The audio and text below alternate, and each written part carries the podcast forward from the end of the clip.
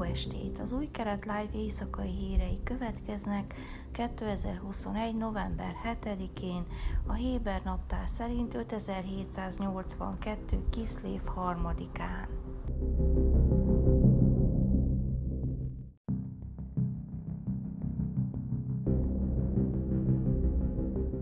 Marokkó fontolgatja az izraeli vaskupola rakétavédelmi rendszer megvásárlását, jelentette vasárnap egy marokkói online híroldal.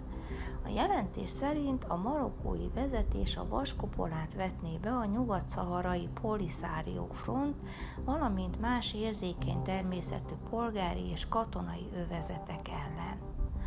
Marokkói hadsereg évtizedek óta harcol a Polisario ellen, és most katonai konfrontációban áll a szomszédos Algériával is, amely a felkelő csoport támogatója, és tavaly augusztusban megszakította diplomáciai kapcsolatait Rabattal. Algéria a múlt héten azzal vádolta Marokkót, hogy megölt három algériai civilt Nyugat-Szaharában, a Polisario által birtokolt területen, amit a királyság cáfolt.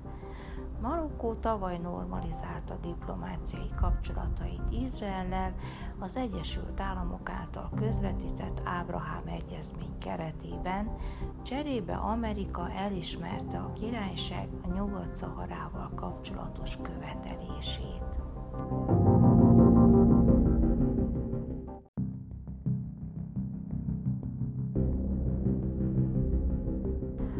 12-es csatorna szerint a koalíció elnöke Edith Szilman vasárnap találkozott a Knesset Gárda vezetőjével egy közelmúltbeli incidens kapcsán.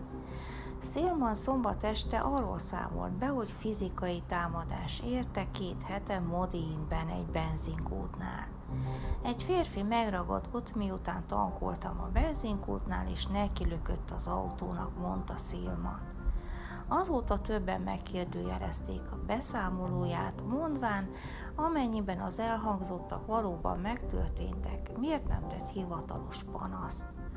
Az ellenzéki ultraortodox sászpárt törvényhozói levélben fordultak a Knesset gárdához, és az incidens kivizsgálására sürgettek, illetve a biztonság fokozását kérték Szilman számára, amennyiben igazat mondott.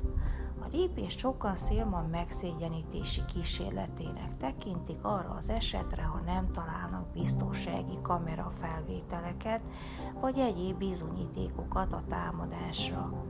A 12-es csatorna azt állítja, hogy a biztonsági tisztviselővel folytatott találkozóján Szilman nem adott konkrét információkat az állítólagos támadásról, ehelyett minden ellene irányuló úszítás és fenyegetés kivizsgálására sürgetett. Irodája szerint a nap folyamán hivatalos beszámolót nyújt be a benzinkútnál történtekről.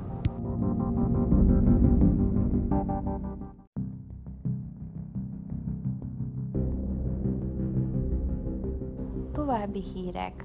A Társadalmi Esélyegyenlőségi és a Külügyminisztérium által vezetett tárgyalások eredményeként elismerése került a bukaresti nyitott gettó, ami azt jelenti, hogy 3000 holokauszt túlélő és 2000 leszármazott most a havi jutatáson felül 150 ezertől 200 ezer sékel általános jutatásban részesül.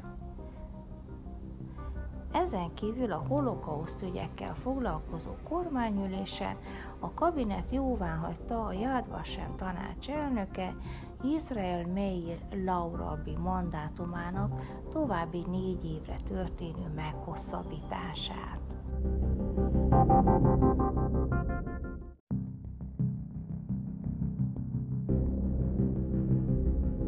Időjárás.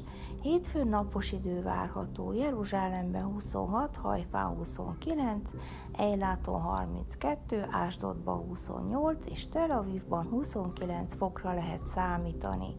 Ezek voltak az új kelet live hírei vasárnap. thank you